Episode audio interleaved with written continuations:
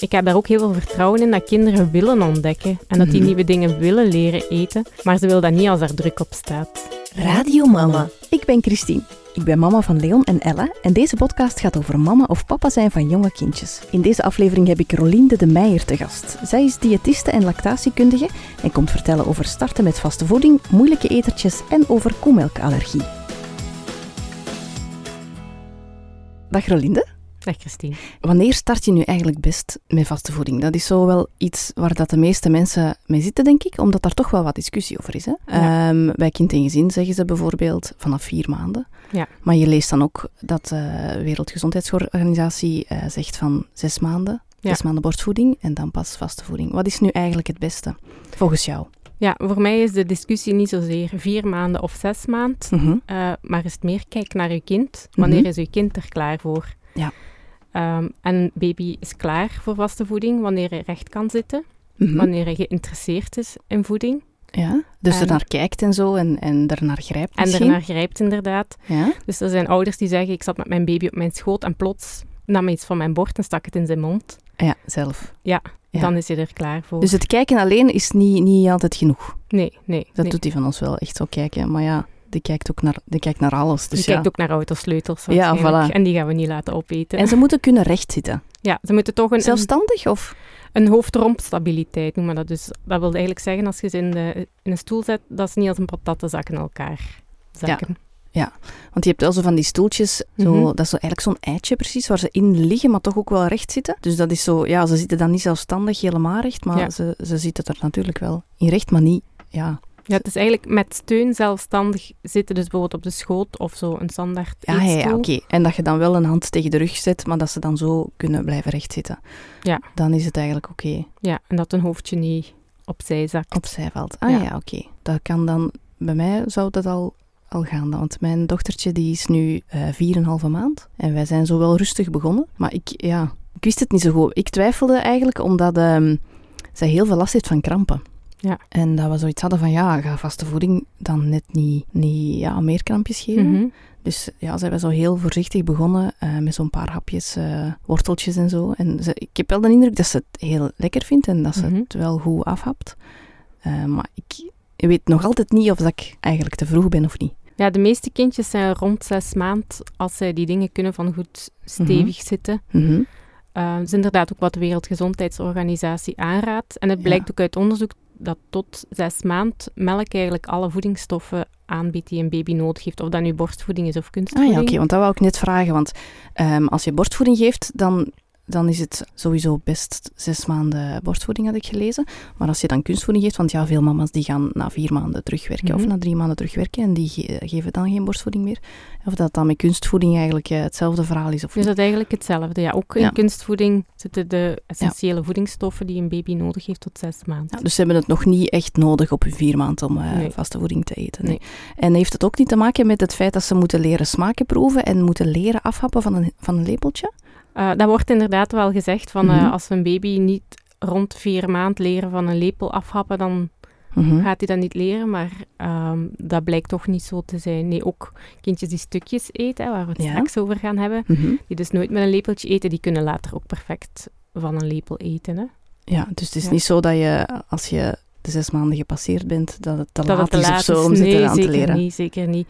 En ook smaken leren kennen, ehm, er is veel tijd. Hè. Ook in het eerste levensjaar zijn nog veel maanden Mhm. om smaken en texturen te leren kennen. Dat hoeft niet per se tussen die vier en die zes maanden. Nee. Dus jij zegt eigenlijk vooral, kijk naar je kind ehm, Ja. en ben nu niet per se vast op, ze zijn nu vier maanden of ze zijn nu zes maanden. Maar als ze er klaar voor lijken zelf, dan eh, kan je er gerust mee beginnen, ook al zijn ze al vier maanden. Ja, maar meestal is dat wel rond zes maanden. Vier Ja. maanden is wel echt Vroeg, jong dat eh, die kenmerken aanwezig zijn van een baby die, die klaar is voor vaste voeding. Mhm. Want als we, als we op vier maand eh, vaste voeding geven, dan moet dat ook echt heel gepureerd zijn, Mhm. omdat zij eh, alleen nog maar kunnen zuigen. En Mhm. we zien soms babytjes die dan met hun tongetje het eten naar buiten gaan duwen. En dat wil eigenlijk zeggen dat ze er niet klaar voor zijn. Ah ja, dat ze nog die reflex hebben van alles naar buiten te duwen. Ja, dat Ja. doet ze denk ik wel. Ja? Ja. plek, ik moet altijd wel zo alles, allee, de helft er terug insteken. Ja. Dus eh, ik, ben ook logopediste, dus ik weet, ik ben niet gespecialiseerd in, in eetproblemen, Ja. maar ik weet wel nog van in de opleiding dat je zo niet, niet te hard mocht de, de lepel afschrapen aan de lippen Nee. en, en de lipjes af, afkuisen, Nee. omdat ze wel echt zelf moeten, moeten leren afhappen. Ja, maar dat is ook heel gevoelig, hè. Rond Omdat het daar constant Ze dat niet rond graag hebben, hè. Ja. Eh, maar er komt toch altijd wel wat terug dat ik dan nog, nog eens extra moet geven. Dus misschien, ja, ik twijfel zo wel een beetje of dat ik niet gewoon nog even moet wachten. Op zich is er geen noodzaak Nee. om eerder dan zes maanden te beginnen. En ehm, ja, wat ook wel belangrijk is in ons geval, is dat zij heel veel teruggeeft. En daarom hadden wij ook wel zoiets van, misschien dat dat dan wel betert als zij vaste voeding eh, krijgt. Omdat zij echt, ja, het is echt wel, we moeten echt vijf of, of zes keer per dag een nieuwe body aan doen. Ja. Dus dat is echt wel, eh, Ja. maar eigenlijk vind ik niet dat het zo extreem veel beter is nu. Het zijn ook hele kleine hoeveelheden. Zijn. Ja. Ja. Ik heb voor een lezing heb ik eens het wetenschappelijk onderzoek opgezocht eh, over het verband tussen reflux en vroeger starten met vaste voeding, of dat effectief helpt. En daar is eigenlijk geen bewijs voor dat Maar- vroeger starten met vaste voeding reflux vermindert. Het is dikker, dus het komt misschien minder snel omhoog, maar het blijft ook wel langer in de maag zitten. Ja. Dus ja, Het wordt minder snel verteerd. ja. En die Rapley-methode, wat is dat nu precies? Kan Ja. je dat eens uitleggen? Dus het idee daarachter is dat een baby meteen zelf gaat eten. Mhm. En dat gaat niet met papjes, dat gaat dan met stukjes. Want een papje kan een baby van zes maanden Nee. natuurlijk niet zelf eten. Nee. Dus dat gaat over stukjes. Ehm, en dat een baby eigenlijk zichzelf voedt. Mhm. Dus eh, dat gaat ook over heel hard vertrouwen in je baby. Dat hij weet wat hij nodig heeft en dat hij weet wat hij doet. Is eigenlijk ook, ja, het is ook wat loslaten. Ja, ja, want dat is Eh, heel eng, hè? Dat Ik kan vind een- dat, dat in het begin kan dat heel eng zijn. Als mama vond ik dat ook een klein beetje eng in het begin. Omdat we ook niet gewend zijn van te zien. Mhm. Dat een baby zichzelf voedt met stukjes. Dus het gaat dan bijvoorbeeld om stukjes broccoli of zo bijvoorbeeld, of, Ja. of stukjes wortel zelfs. Ja. Maar kunnen ze daar niet, niet, of gebeurt dat niet vaak dat ze daarin stikken? Nee, waarschijnlijk dan. Anders zou het niet worden aangeraden. Nee, er zijn eh, een paar dingen eh, die je moet doen om te voorkomen dat er eh verslikaccidenten kunnen gebeuren. Dus het Mhm. eerste is dat de baby heel goed recht zit. Ja, dus dat ze goed in hoofdje, wat dat je daarnet eigenlijk Ja. zei, goed kunnen rechtzitten. Ja. Ja. En je mag nooit een stukje geven als een baby in een wippertje zit. Dan zit hij naar achter. Als hij dan een stukje te ver naar achter gaat, dan krijgt hij dat niet meer uitgehoest. Niet Ja, meer Ze uitgespuwd. moeten echt recht, recht Echt zitten. goed recht zitten, ja. Het is ook belangrijk dat er geen dingen worden gegeven met verstikkingsgevaar, zoals eh, hele kersttomaten, hele druiven.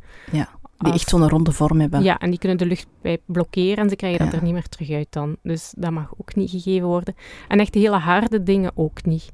Mhm. Eh, omdat baby's ofwel geen ofwel weinig tanden hebben. Dus zij kunnen, eh, sommige babytjes hebben wel twee tandjes, en als zij een hard stukje afbreken, zij krijgen dat niet in hun mond, niet verwerkt. nee. Dus de, eigenlijk moet qua consistentie de voeding pletbaar zijn tussen twee vingers. Ah ja, oké, dus het moet echt wel goed gekookt zijn dan. Of Maar goed niet- gestoomd. Maar niet te plat, want dan duwen ze het plat tussen hun handjes. Ah ja, oké. Omdat zij het nog heel moeilijk... eh, ja, omdat zij nog niet veel controle hebben over hoe hard dat ze duwen op, op een voedingsmiddel. Mhm. Dus dan, als het plat duwen, ja, dan is het geen stukje meer. Hè. Ja, ja, ja. Dus het mag niet te hard gestoomd. Gekookt zijn. Maar ook niet Maar wel genoeg. Maar wel genoeg dat het niet te hard is. Dus het typisch is eh, een gestoomde broccoli bijvoorbeeld. Mhm. Dat heeft ook een handvatje, hè. Dat is Ja. eh, ideaal om te pakken. Of een stukje banaan, Ja. wordt ook vaak gegeven. En ehm, eten ze, krijgen ze dan genoeg binnen? Want ik kan me voorstellen dat dat veel trager gaat wel dan Ja, gewoon klopt. hapjes. eh, Het is eigenlijk een heel ander principe dan papjes geven. Dus wanneer papjes worden gegeven, is het heel vaak dat vanaf een maand of zes ja, wordt geprobeerd dat die vaste voeding zo snel mogelijk eh, een melkvoeding vervangt. Mhm. Dat is vaak het idee. Terwijl eh, als een baby stukjes eet, inderdaad, die eet, niet, die eet niet zo grote hoeveelheden. In het begin is dat... Denken we soms dat het niks is en dan plots in de pamper zien we daar een stuk broccoli. Dan denk je, ah, ze hebben toch iets gegeten. Eh, maar het principe is dat die melkvoeding eigenlijk constant blijft nog een aantal maanden. En dat die vaste voeding daar echt is. een beetje bovenop komt. Ja. Dus Ja. dat is wel eh, een groot verschil. Want ik dacht dat dat, dat dat eigenlijk het geval was als je tuss- tussen vier en de zes maanden bijvoorbeeld. Hè, dus dat je ze eigenlijk dan eh, wat, wat papjes geeft dan Ja. eh, als extra. Maar op zes maanden is dat dus nog altijd zo dat die melk wel primeert. Ja, tot de eerste verjaardag is melk de belangrijkste Ah ja, voedingsbron. Ja, maar vanaf zes maanden hebben ze ook wel andere voeding nodig, toch? Ja, hè? en het gaat dan vooral over ijzer. Ja. Dat hun ijzervoorraad die ze tijdens de zwangerschap hebben opgeslagen, dat die vanaf zes maanden stilletjes begint op te raken. Ja. Maar dat is niet dat plots om middernacht, poef, alle ijzer Nee, nee. eh, verdwenen is. Maar dat begint een beetje tekort te schieten. Mhm. En het meeste van hun ijzer halen ze nog altijd uit hun melkvoeding. Maar dat klein beetje dat ze tekort schieten, Ja. dat komt dan uit dan vaste voeding. In groentjes vooral? En in vlees. En in vlees ook? Ah ja, Ja. ja. maar het hoeft geen vlees te zijn. Als ouders ervoor kiezen om een kind vegetarisch op te voeden, Mhm. Dan, kan het ook, zijn er perfecte donkere groenten, peulvruchten, Ja. noten, waar ze dat kunnen uithalen. notenpastas. En fruit? Is het niet zo belangrijk dan? In het eerste levensjaar of wel? Voor, eh, voor ijzer eh, niet, maar Mhm. Voor smaakontwikkeling en textuur Ah, ja, en ja. vitamintjes natuurlijk wel. Hè. Is dat wel goed? Ja. ja, ja oké. Hoe, op wat moeten mensen zich nu baseren als ze die keuze willen maken tussen, ehm, tussen gepureerd voedsel, voedsel geven of, of Rapley voedsel geven? Dat- in stukjes voedsel geven bedoel ik. Ja, dat is een heel persoonlijke keuze. Hè. Ja. Ehm, Ze als- moeten zich goed informeren waarschijnlijk om te beginnen Ja. en dan... Ja. Ik vind het altijd heel belangrijk dat in alles, niet alleen in voeding, maar in alles, dat ouders geïnformeerde beslissingen maken waar ze zich goed bij voelen. Ja. Dus eerst wat informatie inwinnen. Mhm. En ik zeg in mijn workshops ook altijd, niemand is verplicht van, van stukjes te gaan geven als je zegt van ik voel mij daar echt niet goed bij. Ik zit ondanks de informatie toch met heel veel schrik van dat verslikken en ik zit met Mhm. stress of ik kan dat toch moeilijk loslaten, die hoeveelheden dat er gegeten worden. Mhm. Dan is die Rapley-methode minder Minder geschikt minder voor, voor die persoon. Ja. En dat mag, hè. Dat mag. En wat zijn de voordelen ten opzichte van gepureerd voedsel van, van de Rapley-methode? Eh, een van de grootste voordelen is dat een, een baby volledig de controle heeft over de hoeveelheden dat hij eet. Dus als Mhm. hij genoeg heeft, dan stopt hij. Ja. En baby's kunnen heel goed aanvoelen hoeveel dat ze nodig hebben. Mhm. Die- Ehm, dat is instinctief. Dat is Ja, instinctief. We op- iedereen, ja, iedereen is daarmee geboren. Eh, met papjes, ik wil dat nu niet zwart-wit stellen, maar met papjes lopen we een groter risico dat we meer geven Ja. dan dat ze eigenlijk nodig hebben. Omdat ja, dat potje moet leeg, of komt het is bijna leeg, of dat kan toch niet dat je nu al genoeg hebt. Ja. Maar dat is natuurlijk niet zwart-wit. Ook met papjes kun je responsief voeden. Dus dat Mhm. wil zeggen, als je ziet dat je baby genoeg heeft. genoeg heeft ja. door eh, de mond toe te houden of zijn hoofdje weg te draaien, dat hij dan ook gewoon stopt. Hè? Dus Ja. dat is niet zwart-wit, maar als een baby het zelf doet, dan gaat het gewoon niet om te veel te eten. Hè? Ja. Dus, eh, dus dat is een voordeel dat eigenlijk eh, die, dat innerlijk verzadigingsgevoel, Ja. dat dat behouden blijft. En het is wel zo, dus baby's eten niet uit goesting nog niet. Nee, ja, als zij genoeg hebben, dan Dan stoppen, ze, ze, gewoon. ja. En eh, er zijn veel Anders dan bij ons. Ja, inderdaad. Ik wou juist zelf zeggen ehm, dat veel mensen zijn, zijn opgevoed met uw bordje moet leeg en dat we constant over dat verzadigingsgevoel gaan. En dan verleren we eigenlijk van ernaar te luisteren. Ja. En kunnen we ons altijd gaan overeten. Ja. Ehm, dus dat is één voordeel van dat intern verzadigingsgevoel dat behouden blijft. Dat ze eigenlijk leren om te eten wat ze nodig hebben en, eh, en Ja. niet meer. Ja, Ja. Uit een onderzoek blijkt ook dat baby's die stukjes hebben gegeten op de leeftijd van twee jaar, dat die minder moeilijk eten. Niet dat ze niet moeilijk eten, maar minder. Eh, hoe dat, dat komt, dat kon het onderzoek eh, niet, niet vertellen. Misschien gaan Nee. we dat later te weten komen. Maar komt Ja. dat omdat ze meer plezier hebben gehad in dat eten? Mhm. Of komt dat omdat ze al heel jong heel eh, pure smaken en texturen hebben leren kennen? Dat weten ze nog dat niet weten precies. nog niet. Nee. Een van de dingen dat ik zo eng vind daaraan is, ehm, en ik denk wat de meeste mama's tegenhoudt om het te doen, eh, is die kokhalsreflex. Ja. Maar dat is eigenlijk iets goed, toch? Heb ik ook wel gelezen. Allee, Ja. Iets belangrijk, die kokhalsreflex. Ja, en kokhalsreflex is, eh, is een belangrijke reflex en is ook normaal. Mhm. Dus wanneer een, een stukje te groot is Mhm. en te dicht bij de luchtpijp komt, dan gaat een baby kokhalzen. En dat kokhalzen gebeurt nog lang voordat het bij de luchtpijp is. Dus bij een baby zit die kokhalsreflex meer op de, van voor op de tong Ja. dan bij een volwassene. Mhm. En eigenlijk leert een baby op dat moment, oei, volgende keer moet ik dat stukje een beetje kleiner maken, Ja. voordat ik het naar achter in mijn mond stuur. En is het dan ook zo dat als zij eigenlijk heel papjes krijgen, dat ze dan ook minder goed leren? En dat ze dan misschien na hun één jaar zich ook nog vaker verslikken? Of is dat niet per se het geval? Dus daar is ook een dat, datzelfde onderzoek eigenlijk Mhm. wijst ook uit ehm, dat er geen verschil is in het aantal keer dat een baby kokhalst of verslikt tussen stukjes en papjes. Mhm. Want ze zagen wel een verschillende leeftijd. Dus de kindjes die stukjes kregen, die gingen zich die meer verslikken of gingen meer kokhalzen rond zes maand. Terwijl de baby's die eh, papjes kregen, was dat eerder rond 12 maand. En wat leren we dan? Dat elk kind dat ooit stukjes eten, Ja. daarop moet oefenen. En Ja. een keer kan kokhalzen. Maar Ja. verslikken gebeurt heel weinig als je eh, bij de Rapley-methode en ook bij een ouder kind dat stukjes leert eten. Als je rekening houdt met de gevaarlijke dingen, als je die weglaat, Mhm. dan is de kans heel klein eh, dat ze zich gaan Dat het verslikken. gebeurt. Dat ze zich echt gaan verslikken. En verslikken wil zeggen dat een stukje echt in de luchtpijp terechtkomt. Ja, ja, oké. Ik denk dat het vooral in de, in de hoofden van de mama's zit. Hè? Dat is bij mij toch zo. Ja, ja, en ik snap dat, want ik heb mijn twee kindjes dus zelf eh, volgens de Rapley-methode Ja. grootgebracht. En als mama snap ik dat als mijn dochter kokhalzen, dan moest ik ook eventjes op mijn handen zitten. Ja. Maar die baby's die maken er eigenlijk van kokhalzen, maken die zelf niks. Die spuwen dat uit en die steken dat terug in de mond. Ja, dat is wel. Dus ik heb zoiets meegemaakt met mijn zoontje als hij al anderhalf was. Dus dat was in de zomer, we waren op vakantie en die had een, die had een koek vast. En eh, die, ja, dat, er zat een stuk koek vast, ergens. En die kon echt ja, niet meer ademen. Die was echt aan het Oei. Ja. Eh, alleen die was echt zelfs, ja, die- er kwam geen geluid meer uit. En we waren aan het babbelen onderling, dus we hadden dat niet eens direct gezien. Dus die kwam naar ons. En eh, ja, dat was heel, heel vies. Want de, de eh, vader van mijn vriend begon dan op het, op het rugje Ja, te ja. slagen, want dat kwam dan niet. En dan kwam Maarten naar buiten en die heeft hem dan de, Heimlich. de Heimlich, echt geheimlicht, in de lucht gegooid. En dan, zo, en dan kwam dat eruit. En ik was er echt niet goed van. En nogthans, Leon zelf, die vroeg direct een nieuwe koek, hè. Ja, Dus die zijn daar niet van onder de indruk, precies. Nee, nee. Maar ik raad ook altijd iedereen aan van een EHBO-cursus te gaan volgen. Moest Ja, er iets gebeuren, dat je weet hè? wat je moet doen. En ook op YouTube staan eh, filmpjes van het Rode Kruis. Maar ja, kijk, hij was al anderhalf. Ja. En, en wij hebben altijd gepareerd voedsel gegeven. Dus Ja. je moet het sowieso weten wat je moet doen. Ja. hè? Want ik laat dat filmpje altijd zien in eh, mijn Rapley-workshop. En ik Mhm. zeg dan ook altijd, ja, ik vind het een beetje dubbel om dit te laten zien. Want nu lijkt het alsof de kans groot is dat dit bij je kind Want- gaat gebeuren omdat je stukjes geeft. Maar het kan evengoed eh met gepureerde voeding en het kan evengoed een stuk speelgoed zijn van een ouder broertje Voilà. Ja, dus je moet het eigenlijk sowieso wel weten wat je Ja. moet doen.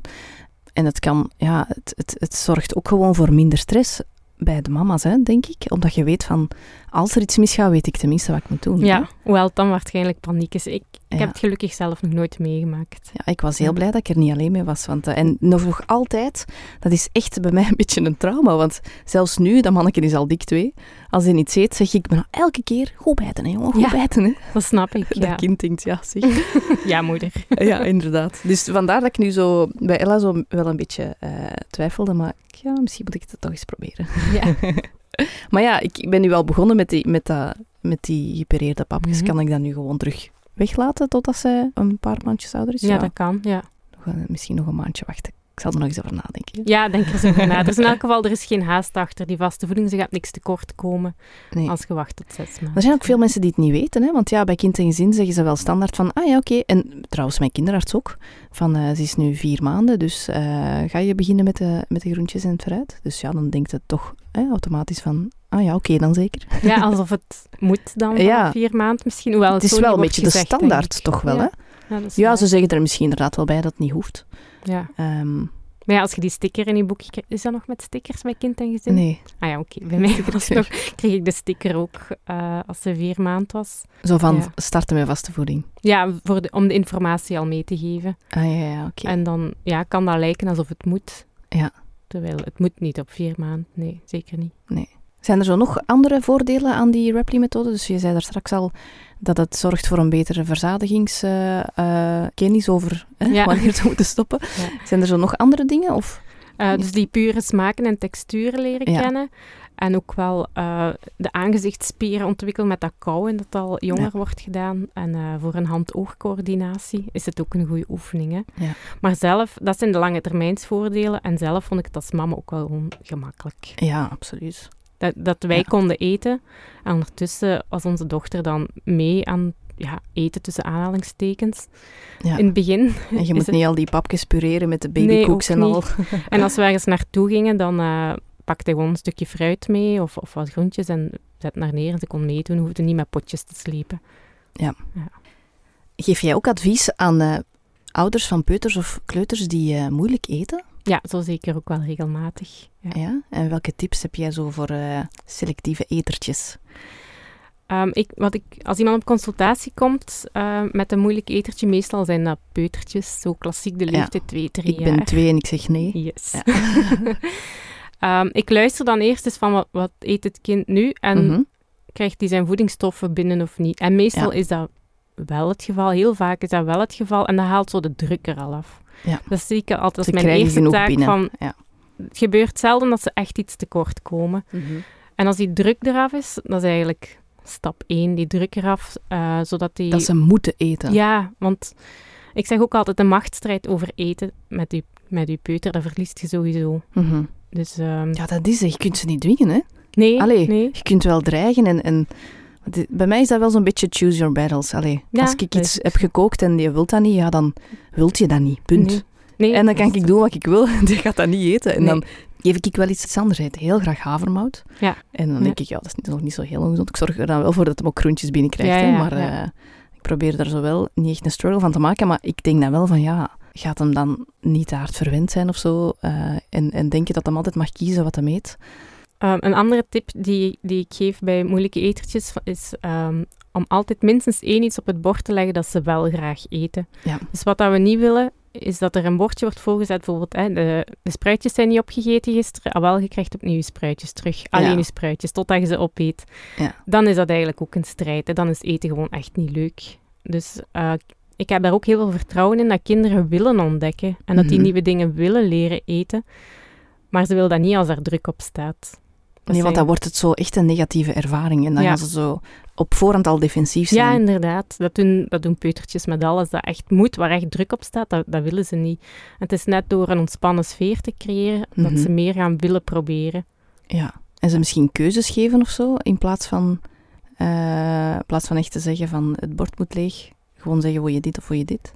Bijvoorbeeld. Eh, Om te vermijden dat ze nee zeggen als je gewoon vraagt, wil je dit? Ja, dat is, dat is met alles, met peutertjes Ja, het dat is goed. Hè?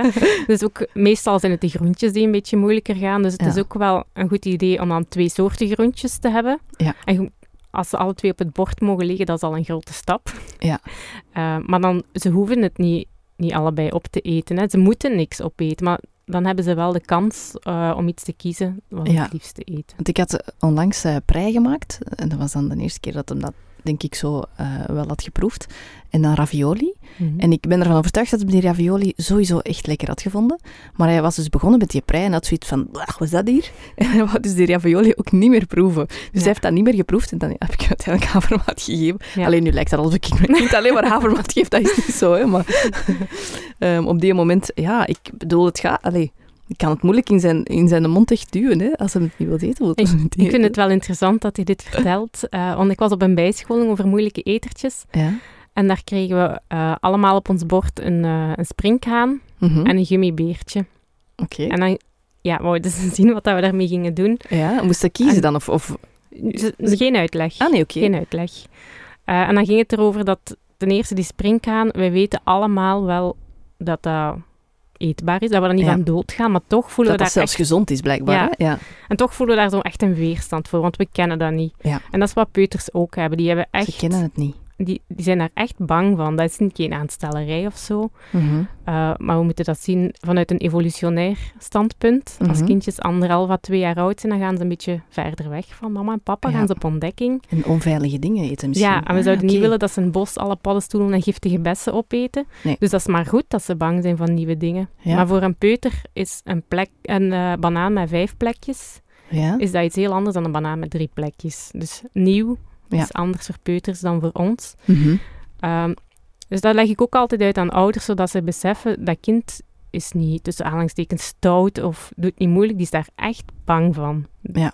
Dat helpt wel om daar begrip voor te hebben. Het is niet gewoon zo van, zeg, hey, moeder, eh, maak mij eens iets anders. Nee, Het is niet lekker. nee, dat is het gevoel dat wij ook hebben bij een springkaan. Die, Ja. of ik, ik voelde dat toch. En het andere bij die bijscholing was met dat gummibeertje, dat wij dan ook... Dat veel mensen dachten, is er niks met dat gummibeertje gebeurd? Ja. Waarom ligt hier een gummibeertje? Dat, daar wantrouwig van wordt. Dus wat je vertelt van, eh, van die prei en die ravioli. Oh, ik wat dacht, is dat die hier? prei is vies. Mm, die ravioli. Ja. Zou dat ook niks vies zijn. Dus het is daarom ook heel belangrijk dat je peuter nooit fopt met eten. Als, want als je het vertrouwen kwijtraakt, Ja. dan is het moeilijk om volgende keer iets nieuws te proberen. Want dan gaat hij denken, ja, maar je gaat mij toch weer niet foppen met hier Ja, ja. eh, stiekem, een, verstoppen stiekem een groentje ergens in te draaien. Ik heb zo eens ooit koeientong gegeten. Ik was, ik was al, ik was al een tiener, hè. Maar ze wisten dat ik zo ook niet graag dingen at die ik niet goed kende. En eh, het was koeientong op het menu. En ik vroeg, wat is dat? En ze zei, ja, dat is uh, kalfs, kalfsvlees. En ik ben dat dan beginnen eten. En ik had al zoiets van, wat is dat hier? Dat proeft zo raar. En toen kwam mijn vader binnen en die zei, mmm, lekkere koeientong. dus inderdaad, ik werd toen inderdaad gefopt. Ja, als tiener. ja, inderdaad. Maar goed, ik ben er levend uitgekomen. En kan ik ook zeggen dat ik het is, uh, dat ik koeientong gegeten ja, heb. Voilà. maar ja, bij peuters is dat inderdaad toch zo... Ja, ik wist op voorhand gewoon niet van, gaat hem die prei uh, graag hebben. Ja, ja, tuurlijk. Ja. Um, ik ja. had hem misschien beter eerst ravioli gegeven, want daar denk ik wel van dat hem dat wel lekker vindt, omdat hij ook graag kaas eet en spaghetti en zo. Het was natuurlijk niet bedoeld om te foppen, hè, maar je hebt hetzelfde effect wel inderdaad. Ja. Dus het is eigenlijk goed om, om eigenlijk zoveel mogelijk dingen te laten, te laten ontdekken, maar niks te dwingen dan. Ja, inderdaad. Want dat is denk ik wel moeilijk hè, als je zo een gezin hebt met meerdere kinderen en je hebt gekookt en uh, een kind wilt uh, niet eten wat er, wat er op het bord ligt, ja... Dat is vervelend, hè? Want ja, je kunt ook niet altijd iets anders aanbieden.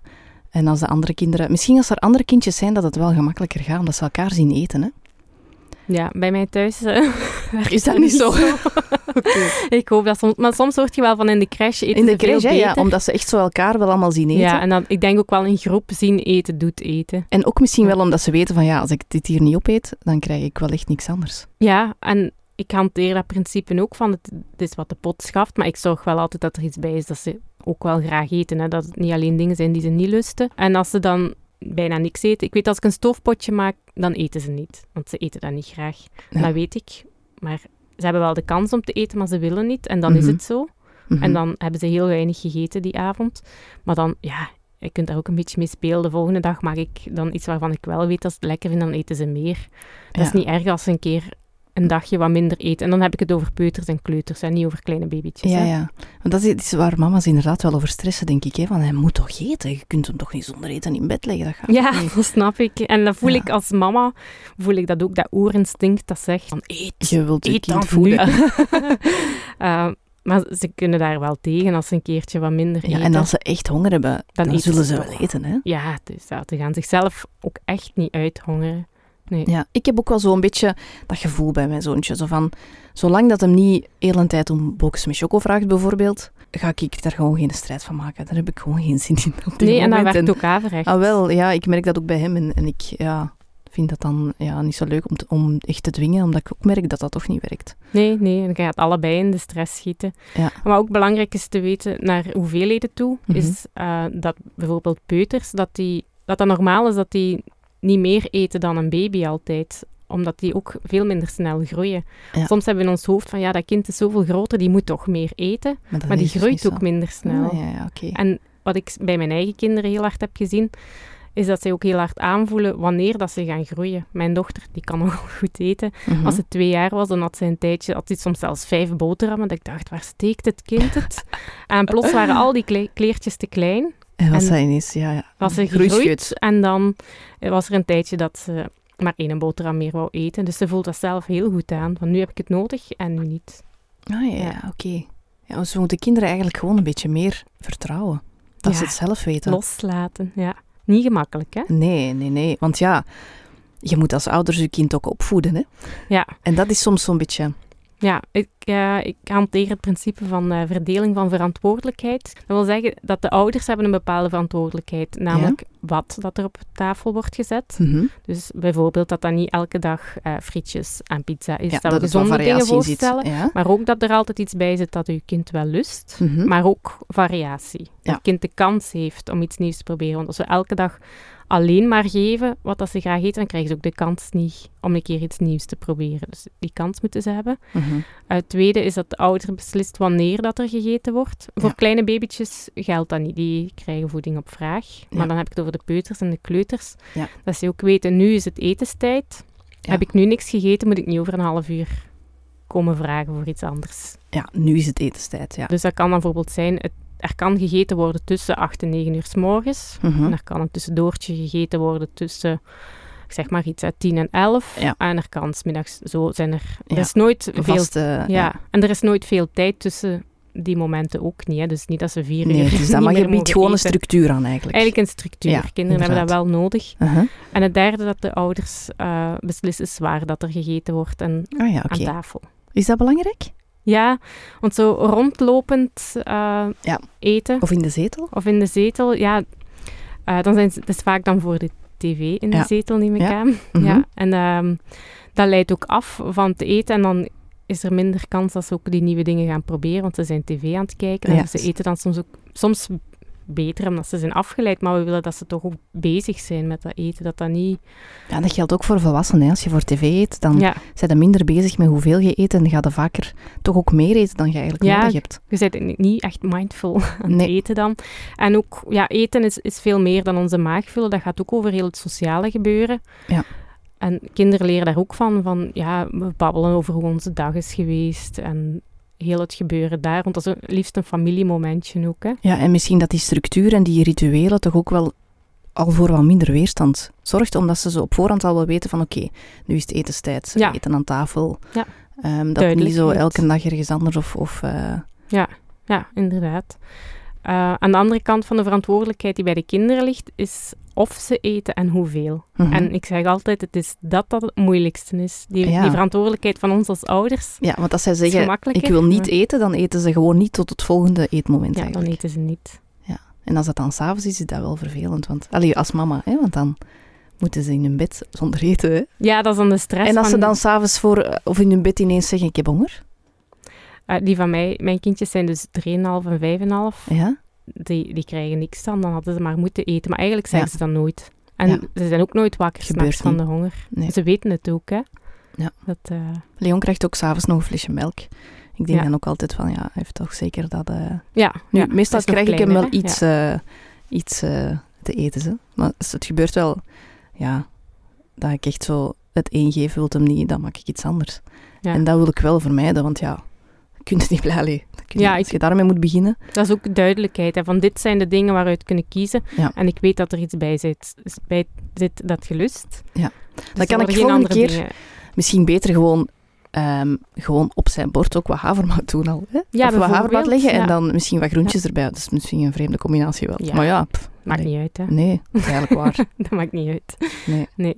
Wat ik ook belangrijk vind, is dat er niet beloond of gestraft wordt met eten. Ja. Dat is iets... Dessertjes. Ja, Geen inderdaad. dessertje als je bord niet leeg is. Dat is een beetje dat iets, ja, iets dat in onze cultuur zit, van belonen met zoetigheden. Mhm. Eh, maar dat is eigenlijk ja, een link met emotioneel eten dat je dan maakt. Als je je verdrietig voelt of als je iets goed hebt gedaan, dan gaan we ja, meestal ongezonde dingen eten. Ja. En dat is een, een link die er al heel jong in wordt gelegd. Ja. Dus eh ja, Ja, ook oké. aan van daarmee op te passen met te zeggen van nog, eh, je moet drie hapjes groente eten en dan krijg je dessert. Dan worden die groenten ook echt heel... Dat moet toch verschrikkelijk zijn? Dat je Ja. daar drie happen van moet eten, omdat je daar beloond voor moet worden. Ja, Hoe ja, ja, erg ja. moeten die groenten Ja. dan wel niet zijn? En zo zet je eigenlijk heel vroeg al een basis voor eventuele latere eetproblemen. Ja, inderdaad. Ja. Ah ja, oké. Wij moesten vroeger altijd wel eerst een boterham met kaas eten voordat we een boterham met choco aten, bijvoorbeeld. Ja. En je zou kunnen zeggen, ja, natuurlijk, het is wel gezonder om boterhammen met kaas te eten Ja. dan boterham met choco. Of bijvoorbeeld op zondag als we koffiekoeken eh, gingen halen ook, en pistolekes, ja, dan moesten we wel eerst een gewone boterham eten voordat we een koffiekoek kregen. Ja. Dus dat is dan zo niet echt belonen, maar Ja, het is zo wat dubbel, hè? ja, ja. Dus eh, wat ik zou doen is gewoon zeggen, eerst je boterham met kaas en eerst je boterham met choco. Mhm. Als je alleen die met choco opeet, dan heb je maar één boterham gehad. Ja. Als je nog wilt eten, is die met kaas. Ah ja, oké. Ja. Echt zo weer de keuze geven. En met die koffiekoek dan ook? Hier Ja. is uw boterham en hier is uw koffiekoek. Ja. Kies maar. Want Maarten bijvoorbeeld, die eet altijd eerst zijn koffiekoek op. Ja. En ik zeg dan, ja, we moeten wel het goede, het goede voorbeeld geven. Hè? Ik vind dat zelf super vreemd, maar al ik bedoel, hè, vanaf als, als de Leon erbij zit, heb ik dan niet graag dat hem dat doet. Omdat ik dan denk, ja, dan gaat de Leon dat misschien ook doen. Maar eigenlijk is dat misschien niet zo erg dan. Ja, er is een grens van één koffiekoek. Dat mag. En als, als hij nog honger heeft, En als hem- boterhammer. Dat is ook iets dat we er heel vaak van uitgaan, eh, uitgaan dat kinderen, ah, die gaan een groente niet graag eten, of die gaan alleen maar die boterham met choco eten, maar misschien is dat niet zo. Nee, dat is, want de Leon eet super graag een boterham met kaas. Ja, Dat is. en ik zie bij mijn oudste dochter, die dan vijf is, dat zij het lekkerste altijd zelf spaart voor het laatste. ja. Omdat zij dat zelf graag zo wil. Ja. Dus Ah ja, oké. We moeten ze gewoon wat meer vertrouwen meer eigenlijk. vertrouwen Hè? eigenlijk wel. En wat minder eh, dictatuur aan tafel. Dat is voor het- iedereen aangenamer, hè? Ja, Ook voor ons, hè? ja, daar gaat het over, vertrouwen. Hè? Zeg, je hebt ook een boek geschreven, Blij koemelkvrij. Ja. Wat kunnen mensen daarin terugvinden? Ehm, ik zal eens vertellen hoe dat ik eh, bij het idee ben gekomen om dat boek te schrijven. ja. Dus eh, mijn oudste dochter, Mira, die had een koemelkallergie. Mhm. We zijn erachter gekomen toen ze drie maanden was. Mhm.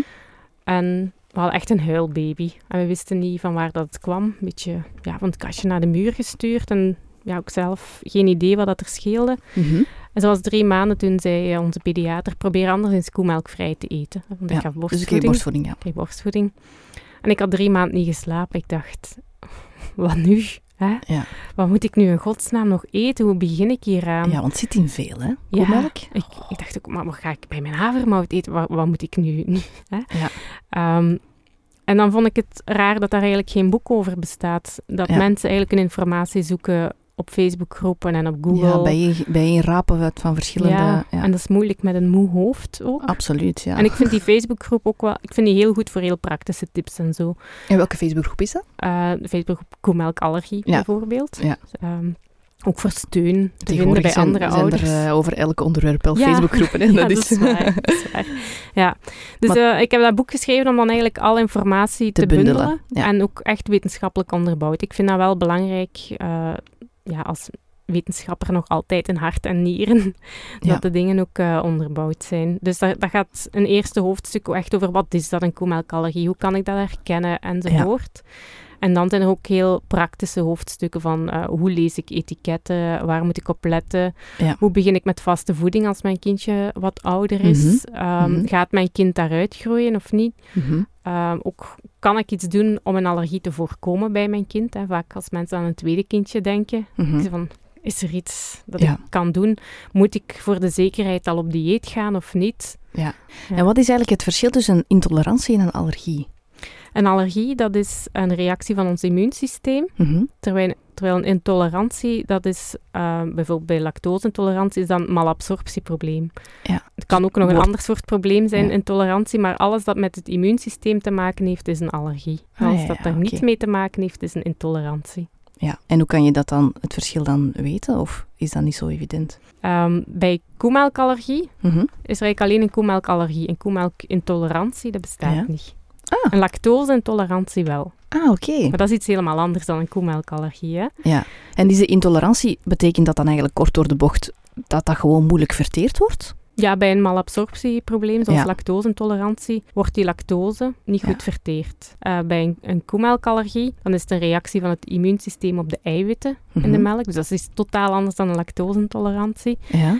Ehm, maar er zijn, er zijn twee types van koemelkallergie. We hebben Mhm. een snelle koemelkallergie en een vertraagde koemelkallergie. En een snelle, dan komt de reactie binnen een paar minuten tot twee uur. Mhm. Ehm, dat kan braken, diarree, Ja. soms zelfs zwelling eh, of Ja. shock, gelukkig heel zelden, maar dat is een snelle allergie. En uitslag en zo?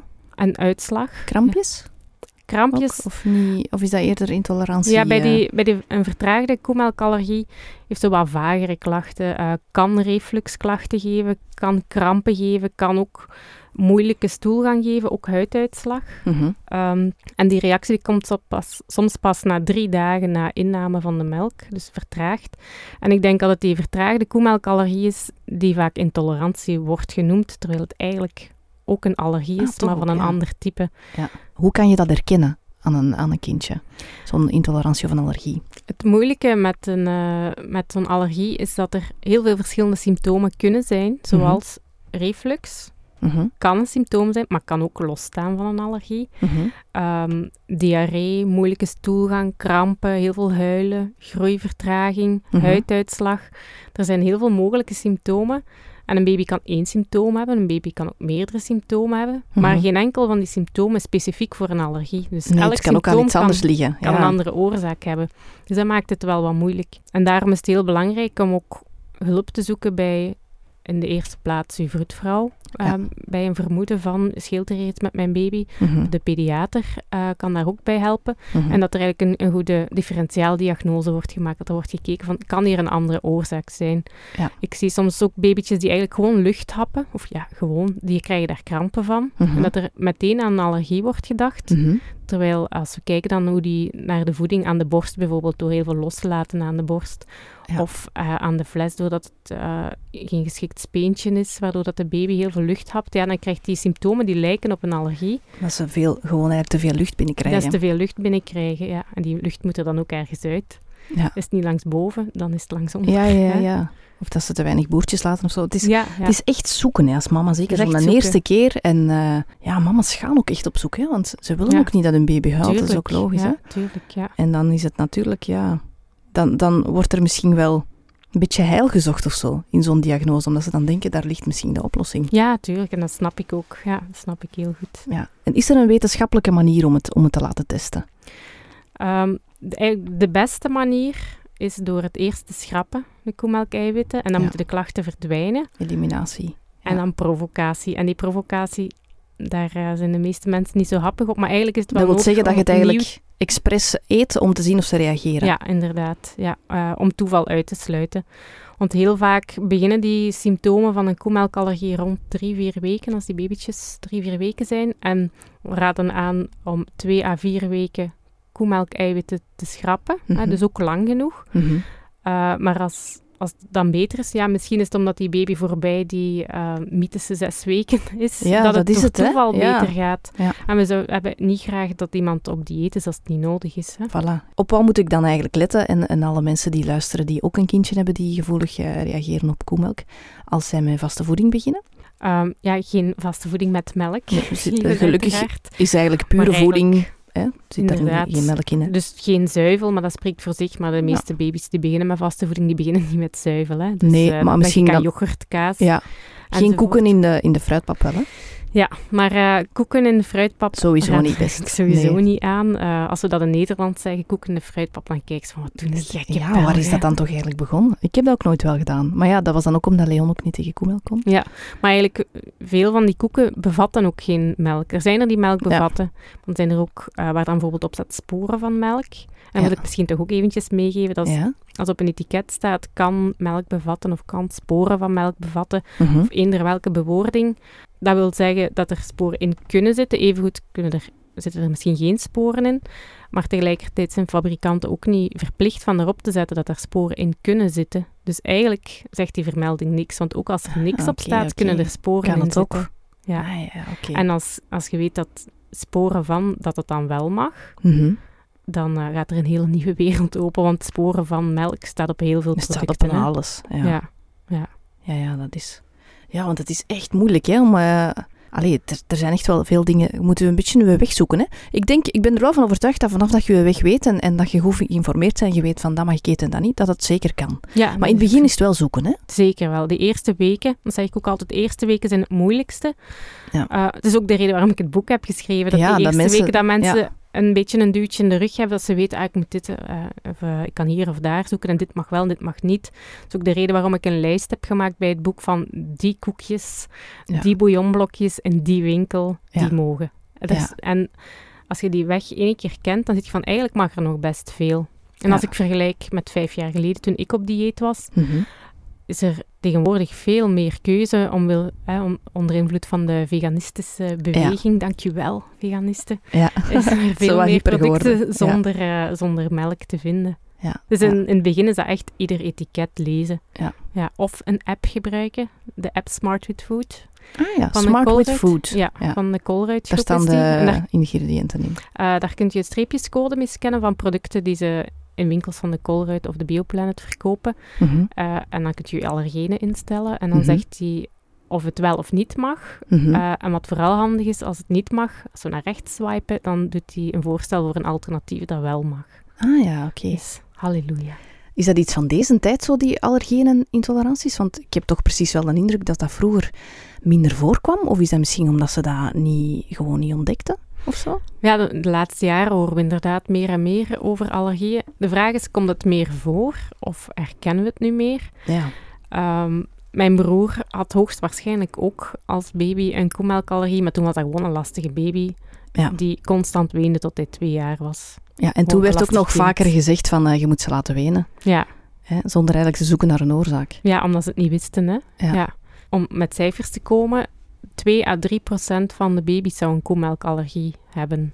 blijkt uit onderzoek. Bij borstgevoede baby's zelfs maar een half procent, 1 op 200. Maar ik denk dat... Dat is niet veel, hè? Nee, ik denk iedereen die die cijfers hoort, zegt ja, ik denk dat het toch veel meer is. Maar ik denk dat we enerzijds met uh, overdiagnose Ja. zitten, dat er soms te snel wordt gezegd van ik, ja, het zal wel een koemelkallergie zijn. Mhm. Langs de andere kant denk ik dat zeker die niet IgE-gemedieerde koemelkallergie, de vertraagde koemelkallergieën, dat die vaak gemist worden. Een lactoseintolerantie bij baby's zien we echt heel weinig. Ja? Er komt heel weinig voor. Er bestaan drie vormen van lactoseintolerantie. Mhm. De eerste is een aangeboren versie, waarbij dat je gewoon de genen niet hebt om lactose af te breken. En dat is echt heel zeldzaam. Dat komt Ja. bijna niet voor. Dan de tweede vorm van lactoseintolerantie, die we dikwijls bij volwassenen zien, dat vanaf een bepaalde leeftijd we geen lactose meer kunnen afbreken. Mhm. En evolutionair gezien is dat normaal, omdat we vanaf de leeftijd dat we zouden stoppen met borstvoeding drinken, Mhm. zeven jaar ongeveer, dat we eigenlijk ook geen melk meer zouden drinken. Dus ook Ja. geen koemelk. En we zien dat in mensen met van Afrikaanse origine of Zuidoost-Aziatische origine, daar is bijna iedereen lactose-intolerant. Ah, Terwijl- ja, echt. Eh, terwijl in de westerse wereld is dat niet zo. En waarschijnlijk had dat ook evolutionair gezien een voordeel dat wij wel nog melk dronken, omdat het hier koud is en hier weinig zonlicht is.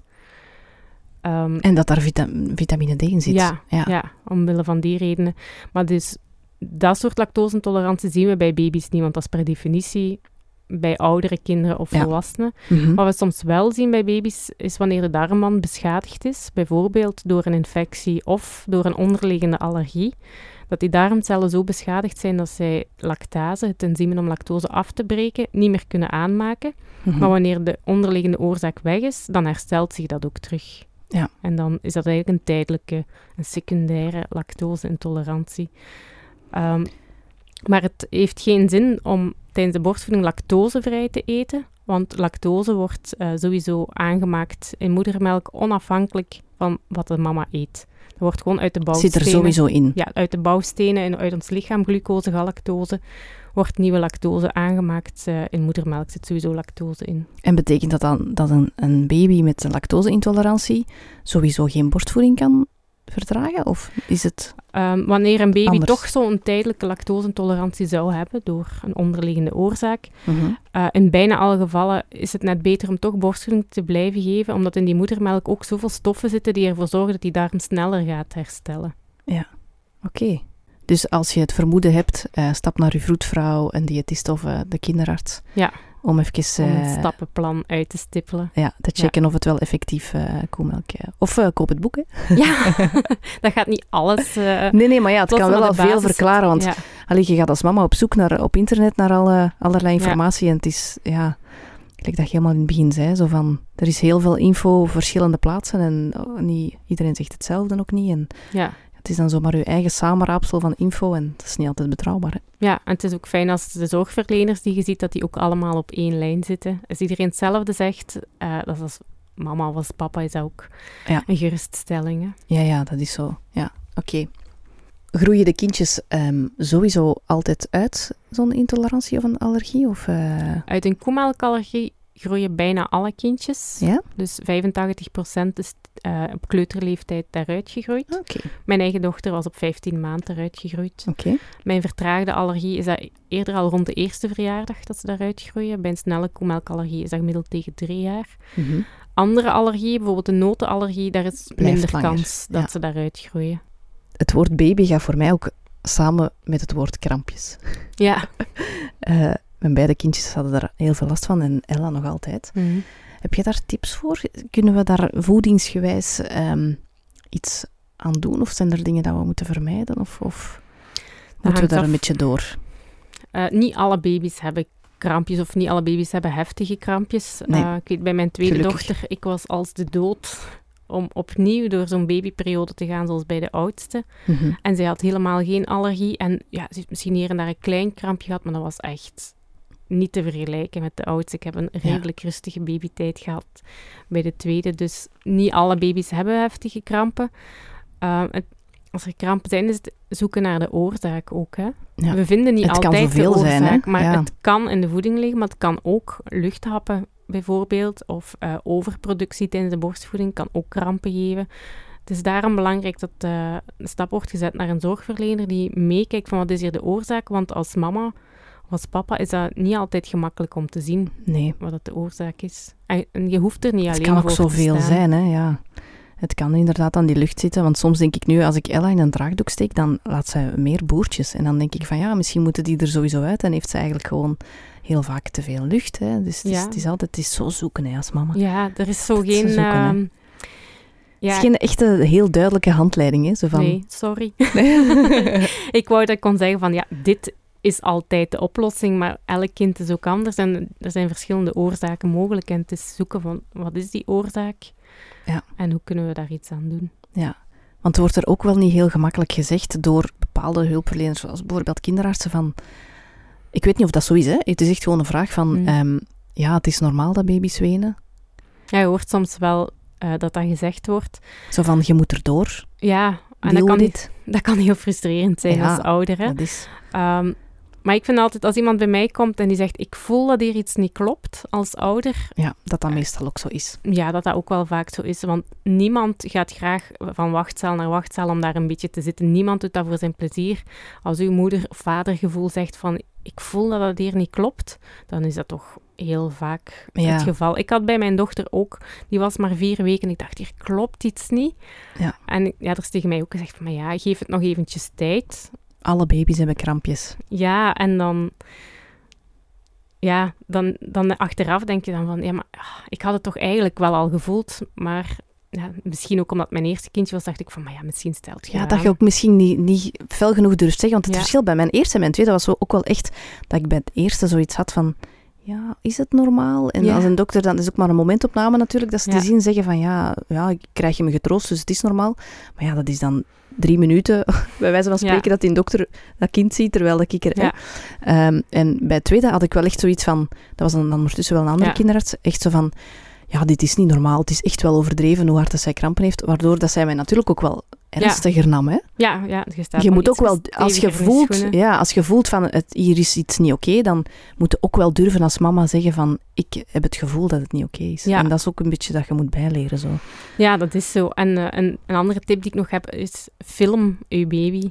Ah ja, als dat ze de reacties kunnen zien. Ja. Ja. want dat is typisch. En dan gaat je naar de kinderarts. en dan zijn die super braaf. super Ja. super braaf. En dan, dan denk je van, oh nee, hoe komt dat hierover als we een keer eh, voor niks zit?